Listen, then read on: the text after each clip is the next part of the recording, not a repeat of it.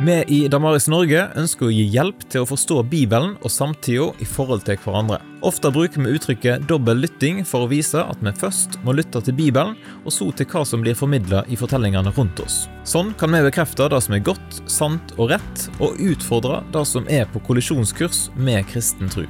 Vi setter fokus på populærkulturen som film, TV, litteratur og musikk.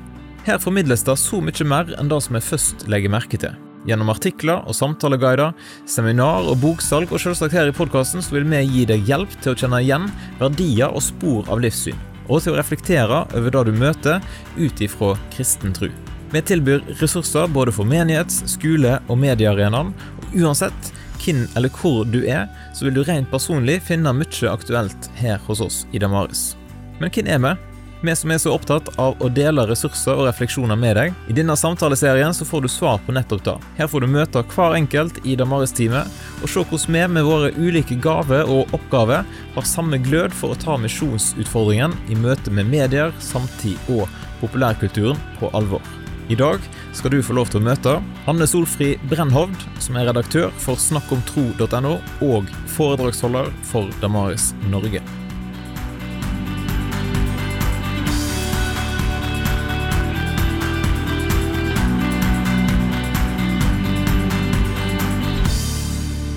Da er du velkommen i podkasten Anne Solfri Brennhovd. Og for de som ikke har eh, hørt andre podkaster som jeg og deg har hatt i lag, f.eks., eller vært inn og lest på Snakk om tro, så må du eh, presentere deg sjøl litt. Hvem er Anne Solfri? Ja, eh, jeg bor på Klepp med en mann og tre barn. Eh, en på 15, en på 13 og ei på 10. Jeg eh, har jobbet i Damaris veldig, veldig lenge, eh, og har ansvar for den nettsida som heter Snakk om droger, eh, og reiser også litt rundt og underviser. Ellers så går vi i en menighet her på Klepp, har ganske mye å henge fingrene i der. Jeg spiller en del piano der, blant annet, og har alltid nok å få tida til å komme. Ja, du får rett bokstavelig talt fingrene til å henge i eh, pianoet. Oh yes. Det har jeg alltid sagt, at det, ungene mine skal slippe å gå på kulturskolen, for de får det så travelt når de blir voksne. Men det er mye glede med det, altså. Sånn innledningsvis, da, har du en uh, favorittfilm eller en serie, noe som du kan uh, trekke fram, og som du har lyst til å liksom, Dette kan vi bekrefte som noe bra? Jeg kan trekke fram av alle ting en serie fra Tween som jeg har likt veldig godt, som heter Dragetreneren treneren, eh, som går på Netflix. Fordi det var den første serien som Netflix virkelig la innsats ned i, og brukte enormt gode produsenter og manusforfattere og sånne ting, så, som var skrevet for det segmentet der. Men jeg syns det var veldig gøy, fordi det var en veldig bra lagserie, en interessant historie, eh, og så lærte jeg veldig mye om hva det er som eh, kjennetegner tweens. Eh, det, den, eh, den, serien har jeg brukt mye tid på og kost meg masse med.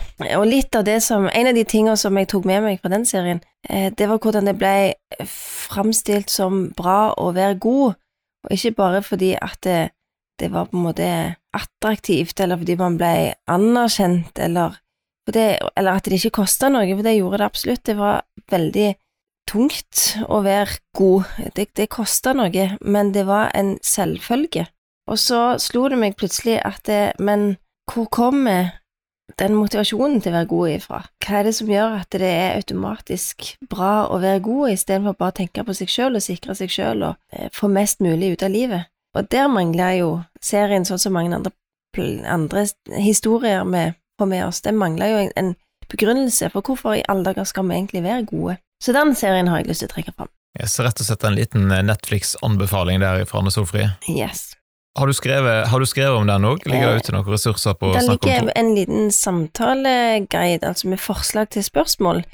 Eh, og så kan du òg se på et eh, Eller høre på en podkast der jeg eh, underviser litt fra Veritas-konferansen om denne serien, sammen med noen andre serier som er lagd for Tweens. Rett og slett et lite tips der, altså. Det er jo sånn at du har eh, jobba relativt lenge i Damaris. Du har faktisk vært med helt fra starten, og så hadde du en liten pause, og så kom du tilbake. Hvorfor syns du at det er viktig at eh, Damaris eh, finnes? Eh, fordi at vi er nødt til å lytte til alle stemmene som forteller oss hva som er rett og godt og sant og vakkert. Så tenker jeg ikke kanskje at alle skal nødvendigvis se på film og TV-serier, men jeg tror noen er nødt til å bruke ørene sine på akkurat det som vi bruker ørene på. Både for å på en måte trekke litt sånne store linjer og se hva er det verden er opptatt av, og hvordan kan vi som kristne forholde oss til det, men òg å hjelpe andre til å forholde seg til alle disse historiene, om det er trosopplærere som bygger ei bro til verden til de de snakker med, eller om det er foreldre som skal hjelpe sine barn, eller om det er ungdommer som, som lurer på ting som har med eh, vanskelige spørsmål i kristen tro, så tror jeg at eh, vi har en, eh, en, plass å fylle, rett og slett. Det som har vært eh, en viktig ting for meg, fordi at jeg vokste opp i en eh, sammenheng der eh, kultur var nesten litt sånn et, et nedsettende ord, hvis ikke det var eh, bar og, og finkulturen. Eh, kultur, det var farlig, og det var noe vi skal holde oss unna. Når jeg, etter hvert som jeg jobber i Damare, så har jeg lært om hvordan kultur er, er Guds skaperverk. At det er hans måte å sette i gang alt på. Han, han er den store den som, den som, har skapt alt, den som er kreativ, den som formidler, den som har gitt oss kreativitet. Så både det at det, det å jobbe i Damaris har lært meg hvordan vi kan glede oss over kulturen, men òg hvordan vi er nødt til å ha åpne hjerter og åpne tanker og åpne ører for virkelig å avsløre alt det som blir servert, og som, som sant og rett og godt, og som virkelig ikke er det. Eh, så det er det, det å lære oss å finne den balansen mellom de to grøftene og, og trekke seg helt tilbake, sånn som kanskje i den kulturen som jeg vokste opp i, at eh, kulturen er bare farlig, og samtidig ikke si at kulturen er alt. Eh, kulturen er ikke Det er ikke nøye med hva vi bruker tida vår på i det hele tatt, sånn som kanskje pendelen har svingt nå. Det, tror, det har vært det som har vært eh, viktig for meg med Damaris. Når du tenker tilbake igjen på, på de trusreiser, da, hva glimt har du lyst til å dele ifra den? Nå har du allerede nevnt litt om kultur og sånn, men er det personer som har spilt en viktig rolle i livet ditt, eller eh, bøker eller andre ting? Eh, ja, først og fremst er det jo heimen, at jeg vokste opp i en kristen heim. Eh, det har jo formet hele, hele, retningen. Eh, så, det er det som er mest definerende og avgjørende i mitt liv. Og så var det for så vidt et år på bibelskole. Det var et år der jeg nok lærte ganske mye, men ikke så mye som jeg kanskje kunne ha gjort hvis jeg hadde sovet litt mer det året der. Så det som i forhold til livet mitt gjorde en forskjell, det var når jeg begynte, når jeg tok kommunikasjon og livssyn. Og jeg husker hvor jeg satt henne i salen når jeg var på den første timen med Stefan Gustavsson. Jeg husker den timen om evangelienes troverdighet. Jeg hadde sannsynligvis hørt det før på bibelskolen, men den gangen så, så eh, ga det ikke sånn gjenklang. Men det var bare akkurat ei lyspære gikk opp, at ok, dette er ikke bare noe som sitter inni hjertet mitt, eller noe som jeg syns jeg bør tro på fordi mor og far har sagt det, eller um, ja, jeg hadde hatt gode Jesusmøter, det handler ikke om det, men den der at det er greit å tro med hodet mitt òg, at dette faktisk er troverdig, det gikk opp for meg i den timen der. Ellers har jeg vært veldig heldig og hatt enormt gode miljøer og mange ulike kristne som har kommet med ulike drypp, og eh, ulike ja, påvirkning i livet mitt, mest på, på, godt i forhold til kristen tro, så jeg har vært veldig heldig. Det er ikke så mange sånne definerende, men jeg tror alle har vært med på, på en reise, da. Så da var det på KL-studiet du først på en måte oppdaga trosforsvar og dette med populærkultur og Damaris-tilnærmingen. Hva var det som gjorde at du valgte det studiet? Jeg var en av de eh, utvalgte heldige som eh, tok det aller, aller første, var på det aller første kullet. Den gangen så var det bare et halvt år, eh, og så gikk det en liten stund, og så kom det siste halve året. Sånn at det den gang ble et grunnfag. Hva som gjorde det, det husker jeg faktisk ikke.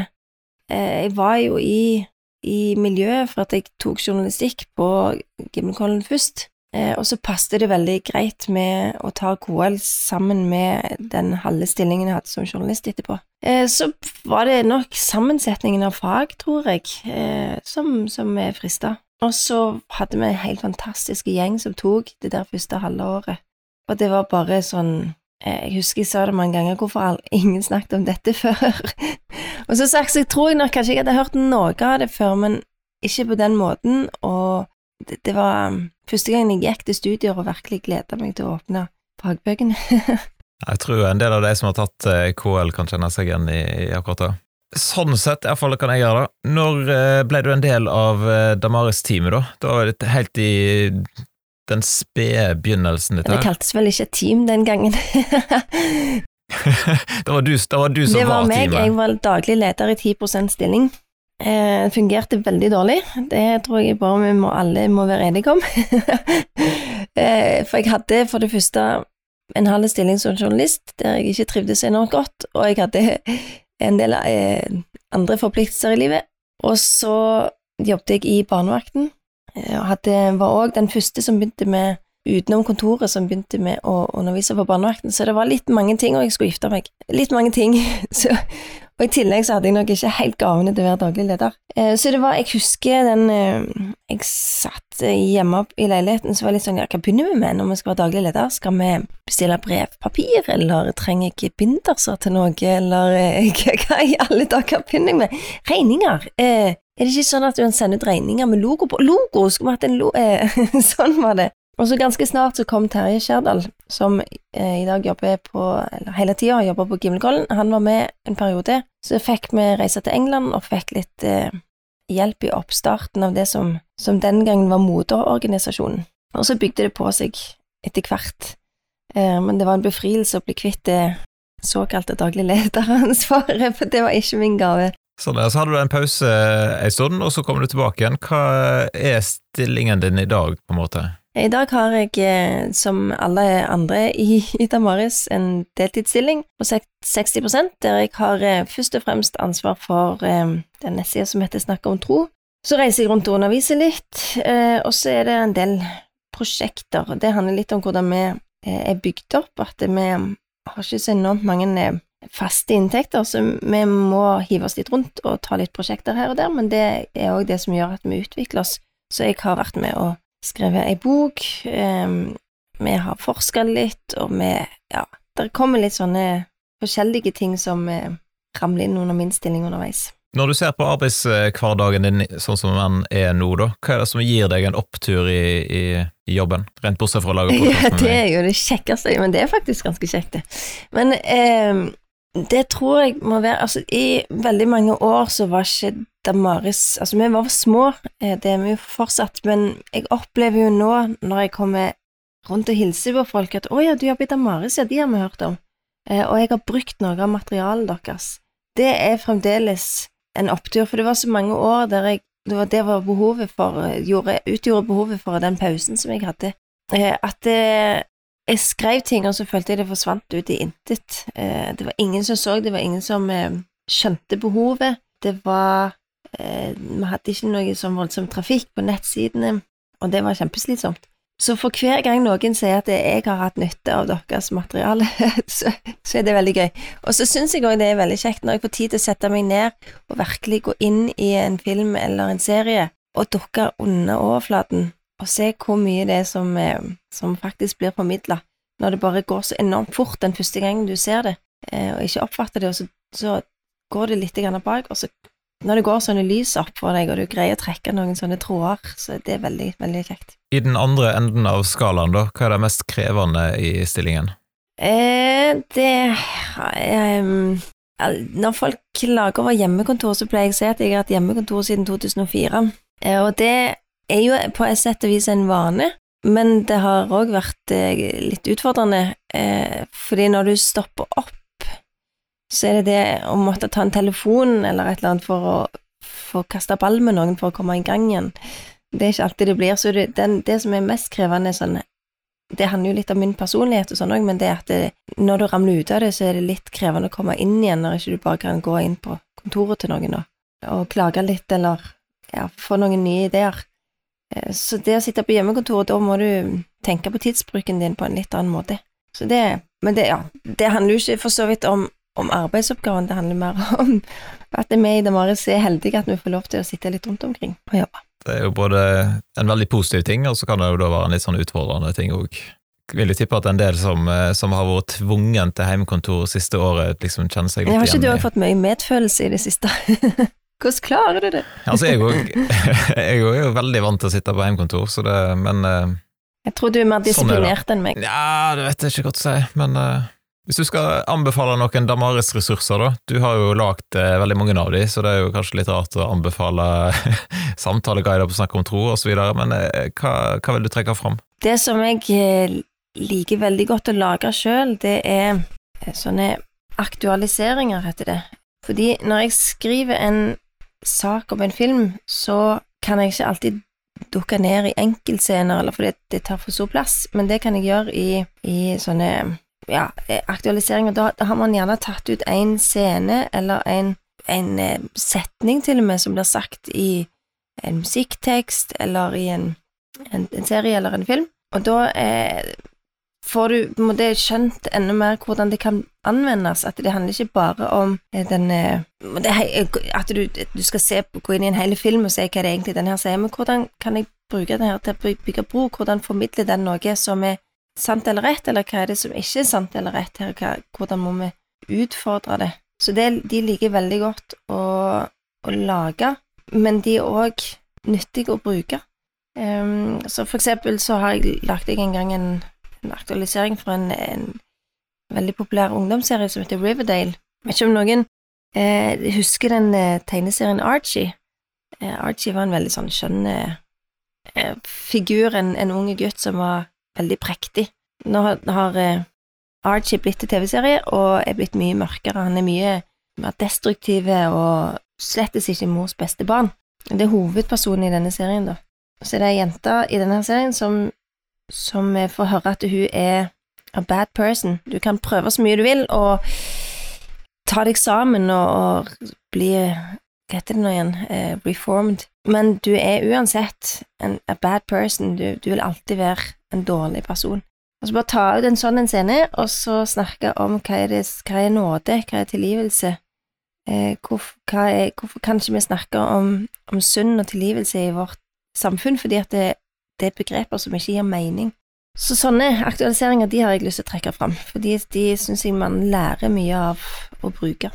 Eller så tenker jeg jo det må jo være lov til å nevne den boka som du og Margunn har skrevet. Eh, du, nevnte vel for så vidt, men, men Fokus Film-boka er jo kanskje den ressursen som gir eller som gjør at Damaris-tilnærmingen blir mest mulig tilgjengelig for folk, da. Altså en veldig kort og konsis og grei liten bok som, hvis en ikke har skjønt liksom hva er opplegget med Damaris, så, så tenker jeg at hvis du leser den, så kommer du langt. Absolutt, den, eh, men samtidig så er den såpass liten at det er ikke plass til 18 eksempler, og jeg tenker at eh, hvis man skal bruke noe av tankegangen sjøl, så må man både øve seg, eh, og da er den boka til kjempegod hjelp, men òg det å se hvordan andre har gjort det. Og da er, disse her aktualiseringene veldig greie, for da ser du plutselig hvordan du sjøl kan hente ut en scene eller en, en tekst å bruke. Som noe mer enn bare en sånn gøy introduksjon til det temaet du skal snakke om, for det er litt viktig at det ikke bare blir redusert til en sånn en, eh, morsomt anslag, sånn at du får folk på laget ditt, på en måte. Av og til kan du ta bibelvers litt sånn helt ut av sin kontekst for å få de til å si akkurat det du vil at eh, poenget skal være. Du kan jo gå i samme felle med å ta et, eh, et sitat fra en sangtekst eller fra en film eh, ut av kontekst, og så er det på en måte helt på kollisjonskurs med det som helheten i filmen sier. Oh yes, og det, det tror jeg mange har gått i, i feller med, og jeg tror, jeg tror kanskje den som er mest misbrukt Ikke nå lenger, men den gangen Matrix-filmene kom, for på, det er faktisk veldig lenge siden, men på 90-tallet, så var det en scene der eh, med at du må velge den blå eller den røde pillen, eh, som ble brukt som et sånn eh, Nå må du velge den rette veien, du må velge tro, og hvis ikke, så går det galt. Det var en ufattelig misforståelse av hva den scenen egentlig formidla. Så det er kjempeviktig å sette seg, ikke bare ta liksom en, en helt vilkårlig scene, og bare få det til å passe. Ja. Hvis folk har lyst til å slå følge med deg, da, hvordan er du i sosiale medier? Er du aktiv på Instagram eller Snap, eller hvor hen vil du eventuelt at folk skal slå følge? Ja, der er jeg svak, altså. jeg er generelt lite glad i å promotere det jeg lager sjøl. Så men eh, så må jeg jo si at man må følge Snakk om tro på Facebook eller Instagram. Men i og med at vi ikke er akkurat et sånn kjempestort team, så er jo det òg min jobb og det ramler litt fort gjennom. Det står litt langt ned på lista. Kanskje det hadde vært en av de tingene jeg skulle sagt, at det var litt eh, utfordrende med jobben. Sånn. Men uansett kan jo folk gå inn og følge, da, så kan de eventuelt sende deg noen eh, direktemeldinger på Instagram og si at her må det skje litt mer, så får du en liten sånn Ja. påminning. Absolutt. Ja, er bra. Da sier vi tusen takk for eh, praten her i podden, og så eh, håper vi da at eh, folk har lyst til å gå inn og sjekke ut Snakk om tro og alt det som Anne Solfrid holder på med. Yes. Eller ta gjerne kontakt hvis det er noe det man ønsker seg at vi skal lage ressurser til, for det gjør vi gjerne. Yes. Og så er jo du en racer på å være ute og ha seminar som av og til, er ikke det? Så hvis folk vil booke seg et seminar til høsten eller til en eller annen gang, bare å ta kontakt. yes, gli bra det. Takk for at du lytta til denne episoden av Damaris Norge sin podkast. Og vil du vite mer om Damaris og hva vi jobber med, så kan du gå inn på damaris.no. Og vi setter stor pris på om du har lyst til å være med og støtte arbeidet som vi driver. Hvordan du kan gjøre det, finner du informasjon om inne på damaris.no. Vi hadde òg satt stor pris på om du delte podkasten vår med noen som du tror kan ha nytte av den. Da ønsker jeg deg en fin dag, og så poddes vi plutselig igjen.